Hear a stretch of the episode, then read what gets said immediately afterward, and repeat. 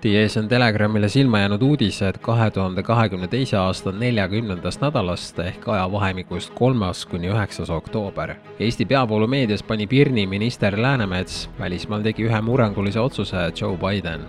siseminister Lauri Läänemets rääkis viiendal oktoobril ERR-ile, et Venemaa on Eesti kagupiiri taha kogunenud Ukraina sõjapõgenikud kokku kogunud ja veoautodega kuhugi viinud piiril viibivad vabatahtlikud lükkasid aga Eesti siseministri jutu ümber Vene võimud ei ole Ukraina põgenikke veoautodega minema viinud, vaid piirikontroll hakkas esmaspäeva õhtust jalgsi liikuvaid põgenikke lihtsalt kiiremini läbi laskma.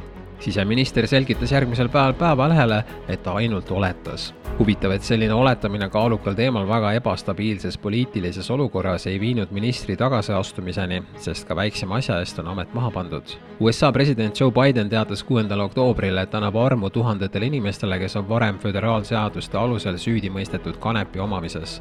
Biden kutsus osariikide kubernere järgima föderaalvalitsuse eeskuju. meie ebaõnnestunud lähenemise tõttu on liiga paljude inimeste elu rikutud. On aeg need vead parandada, teatas Biden Biden palus ka USA võimudel üle vaadata, kuidas kanepit föderaalseaduste alusel liigitatakse. kanep kuulub praegu heroiiniga samasse kategooriasse. ka Eestil on tagumine aeg kanepiga seotud seadusandlus üle vaadata. jätkame Telegrami uudistega. uuring usaldus valitsuse vastu langes Ukraina sõja eelsele tasemele valitsust usaldavate elanike osakaal vähenes augustikuu neljakümne üheksalt protsendilt septembris neljakümne viie protsendile, selgus Riigikantselei tellitud üle-eestilisest küsitlusest. sisuliselt on usaldus valitsuse vastu nüüd samal tasemel, mis vahetult enne Ukraina sõja puhkemist. suvel tõusis valitsust usaldavate elanike osakaal viiekümne kuue protsendini, kusjuures Kirde-Eesti elanikest usaldab valitsust vaid kakskümmend kuus protsenti pöördumine peavoolu ajakirjanike poole, palun esitage von der Leyenile üks küsimus. esmaspäeval, kümnendal oktoobril külastas Eestit Euroopa Komisjoni president Ursula von der Leyen ja kuna telegram.ee-l ei lubata valitsuse pressikonverentsidel osaleda, saatsime mõned päevad enne peavoolumeedia ajakirjanikele palve esitada von der Leyenile üks küsimus Euroopa Kontrollkoja audit tuvastas, et te olite otseselt seotud Pfizeri koroonavaktsiini hanke läbirääkimistega, sealhulgas oli teil otsesuhtlus USA ravimifirma juhi Albert Bourlaga. isegi Eesti Rahvusringhäälingule on teada, et Euroopa Komisjon pole suutnud üles leida von der Leyeni ja Borla vahel jagatud tekstisõnumeid miks keeldus komisjon kontrollikojale edastamast läbirääkimiste materjale, sealhulgas kokkuvõtete vormis ühtlasi läbirääkimistel osalenud ekspertide nimesid, kokkulepitud tingimusi ja teisi tõendeid ja millal seda tehakse? PS küsimuse vastusest võiks olla huvitatud ka Kaja Kallas, kes koos teiste Balti riikide peaministritega tegi kahekümne kaheksandal aprillil kaks tuhat kakskümmend kaks von der Leyenile pöördumise, et pääseda koroona haripunktis tehtud vaktsiinitellimuste karmidest tingimustest salastatud tingimustega lepingu lõpetamine oleks kergenduseks ka meie inflatsioonist räsitud riigieelarvele. paraku näis nii Eesti laiatarbemeedia kui ka von der Leyeni ja Kallase enda jaoks olevat päeva tippsündmuseks see, et saadi koos külastada kunagist Kreenholmi tekstiilivabrikut. nimelt olevat vabriku omanikust Ursula vana-vanaisa omal ajal sinna tööle värvanud Kaja vana-vanaisa Pfizeri tegevjuht loobus Euroopa Liidu Parlamendi Covid-19 erikomisjonile tunnistuste andmisest.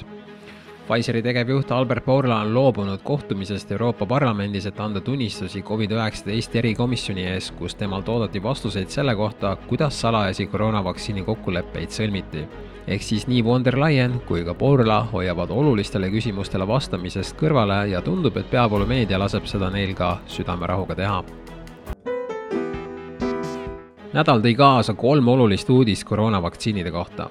kui kaua vähendab Pfizeri Covid-19 vaktsiin sperma kvaliteeti? teadusajakirjas Andrology avaldatud uuring näitas, et Pfizeri Covid-19 vaktsiin vähendab sperma kvaliteeti see uuring kummutab Reutersi viieteistkümnendal detsembril kaks tuhat kakskümmend üks avaldatud faktikontrolli väite, mille kohaselt pole mingeid tõendeid, et koroonavaktsiinid mõjutaksid meeste viljakust ning on ühtlasi üleskutse Eesti spermapankadele uurida muutusi spermas ja mõju sündimusele. varem koroonavaktsiine promonud kardioloog, Covid süstide tegemine tuleb viivitamatult peatada peavoolumeedias agaralt vaktsiine reklaaminud kardioloog Asim Malhotra avaldas hiljuti ajakirjas Journal of Insulin Resistance eelretsenseeritud teadusliku ülevaate, milles ta nõuab kõigi Covid-süstide viivitamatut peatamist, kuna praegused andmed näitavad, et need põhjustavad rohkem kahju kui kasu.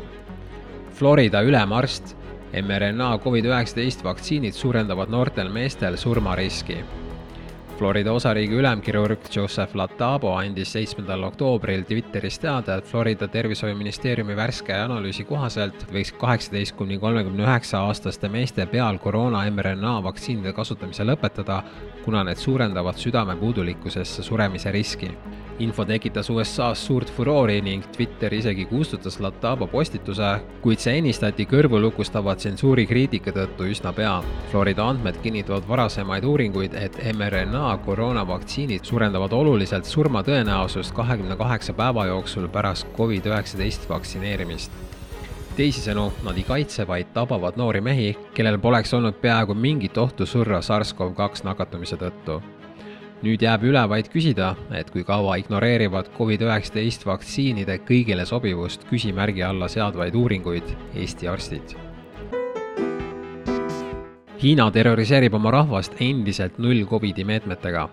Hiina valitsus on jätkuvalt pühendunud oma null Covidi poliitikale, vaatamata suurele majanduskahjule ja avalikkuse kasvavale pahameelele seoses sulgemistega, mis surub inimesed kodudesse. paljudes piirkondades on keelatud käia isegi toidupoes ja tööl isegi kui uskuda ametlikku viroloogiat, siis möödunud nädalal teatati Hiinas kahe tuhande kaheksasaja kaheksakümne kolmest juhtumist ehk positiivsest testist, mitte haigest inimesest, kokku kahekümne viies provintsis. miljardilise Hiina elanikkonnaga on need numbrid sama tühised kui ookeanis pissimine. mis on selle terrori eesmärk? Need olid Telegrami uudised möödunud nädalast. tule kapist välja ka sina, me kõik teame, et see on hauks